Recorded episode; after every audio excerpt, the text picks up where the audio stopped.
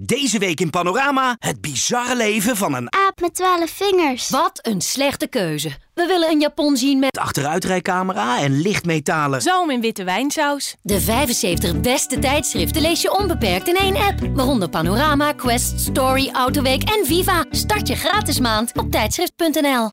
Iedere week op viva.nl en nu ook als podcast een erotisch verhaal opgebiecht door een Viva-lezeres.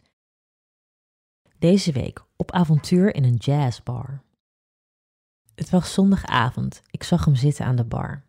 Hij dronk whisky en ik gin tonic. Je zou denken, een jazzbar is niet meteen een locatie waar op zondagmiddag veel jonge mannen rondlopen. En inderdaad, jong was hij niet. Hij was zeker 15 jaar ouder dan ik, but who cares? Hij zag er goed uit.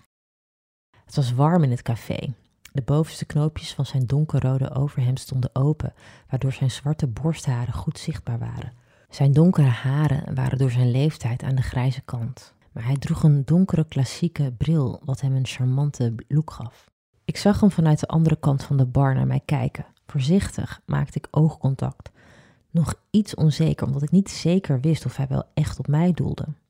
Dat werd al snel duidelijk. Hij wuifde naar de barman om een drankje te bestellen en niet veel later stond ik met een nieuwe gin tonic naast hem. Onze interesse voor jazzmuziek zorgde ervoor dat we uren aan gesprekstof hadden. Ik weet niet wat dit was, maar ik voelde tientallen kriebels in mijn buik. Het was inmiddels al rond achten. Niet heel laat, maar als je in de middag al begint met drinken en teert op alleen maar alcohol en bitterballen, dan voel je je misschien nogal licht in je hoofd. We verlieten de bar en gingen op zoek naar iets te snacken. Het was al donker en de straten werden verlicht door lampen die in de bomen hingen. We liepen over smalle grachten en door smalle steegjes.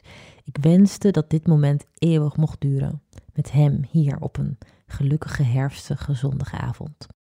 Ondanks dat het koud was, voelde ik me warm en veilig bij hem. We aten een patatje oorlog bij de snackbar en terwijl we dit met een blikje bier naar binnen gooiden, gaf ik hem subtiele hints en seintjes. Toch bleek deze man maar niet te begrijpen dat ik met hem naar huis wilde. Zal een generatiekloof zijn, dacht ik. De jongens van nu hadden al lang doorgehad of het zelf aangeboden, maar deze man was een echte heer. Een gentleman die niet meteen een dame mee naar huis neemt. Of toch wel? Toen ons bakje patat op was, zat er niets anders op dan afscheid van elkaar te nemen. Teleurgesteld keek ik hem in zijn ogen aan. Net op het moment dat ik hem wilde knuffelen en bedanken voor deze geweldige dag, vroeg hij of ik zin had om een wijntje bij hem thuis te drinken. Ja, eindelijk! Zijn appartement lag midden in de stad, driehoog met uitkijk op een prachtig park. Ik keek mijn ogen uit terwijl hij naar een houten kast liep en een rode fles wijn voor ons opende. Deze man had smaak en niet alleen op het gebied van wijn. Een grote donkere piano vulde de woonkamer. Lampen van buiten schemerden door de hoge grote ramen en aan de andere kant van de ruimte hing een groot schilderij. Rustige akoestische muziek klonk uit de platenspeler. We proosten en beseften waar een doodnormale zondagmiddag bij de jazzbar toe had geleid. Ik wilde naar de bank lopen, maar hij hield me tegen en pakte het glas wijn uit mijn handen. Vanaf dat moment ging het zo snel. We kusten en ik keek hem aan in zijn prachtige, mysterieuze ogen. Ik rukte zo snel als ik kon de knoopjes van zijn overhemd los. Terwijl ik mijn beste skills uit de kast wilde trekken, kwam het besef dat het misschien bij deze man een verloren zaak zou zijn. Hij had zoveel meer ervaring dan ik. En ja hoor, met één krachtige beweging tilde hij me op en liep naar zijn slaapkamer, waarna hij mij op zijn bed legde. Hij trok mijn jurkje uit, spreidde mijn benen en likte op ieder intiem plekje dat mijn lichaam bezit. Hij verwende mij alsof ik de laatste vrouw op aarde was die hij mocht beminnen. Hij wist precies waar ik naar verlangde en hij gaf me precies dat, dat wat ik lekker vond. Ik kronkelde op zijn bed, kneed in het laken en woelde door zijn haar. Ik hield het niet meer en iedere spier in mijn lichaam trok samen. Ik krijste het uit van genot. Arme buren, wat zullen ze wel gedacht hebben? Op dat moment was ik daar natuurlijk helemaal niet mee bezig. Toen mijn lichaam stopte met trillen, klom ik overeind en kuste dankbaar zijn natte lippen. Ik proefde mezelf en ik was klaar om hem te proeven. Ik trok zijn broek uit en gaf me over aan zijn prachtige stijve pik. In mijn mond, maar niet voor lang. Deze man wilde mij verwennen en ik kreeg amper de kans. Hij legde me neer en klom bovenop me. Genoot van zijn sterke lichaam, hangend boven mij, en voelde zijn stijve in mij glijden. Ik kreunde, zachtjes. Ik zette mijn nagels in zijn bezweten rug en klemde mijn benen om hem heen.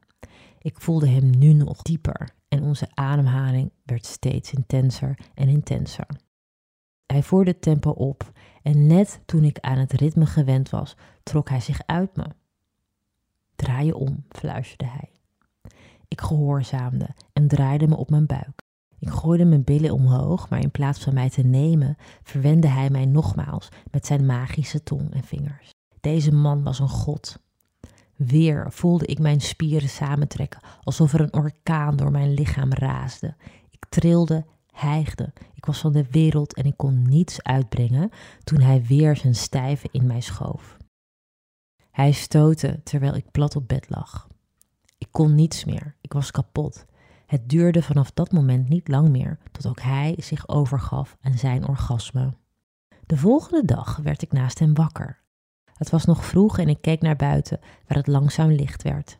Hij was nog in een diepe slaap, maar ik maakte hem wakker toen ik op de wekker zag dat het helemaal niet zo vroeg was. Het was immers gewoon maandag en we moesten ons haasten, wilden we nog op tijd op ons werk arriveren. Paniekerig wilde ik opstaan, maar kreeg de kans niet. Hij trok me weer terug in bed. Precies wat hij de vorige nacht had gegeven, kreeg ik die ochtend opnieuw. En daarna nog een keer. En daarna, tja, wat kan ik zeggen? Leeftijd maakt echt helemaal niets uit. Wil jij ook je erotisch verhaal delen met de rest van Nederland?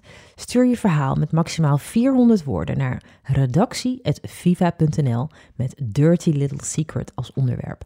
De beste verhalen publiceren we op viva.nl.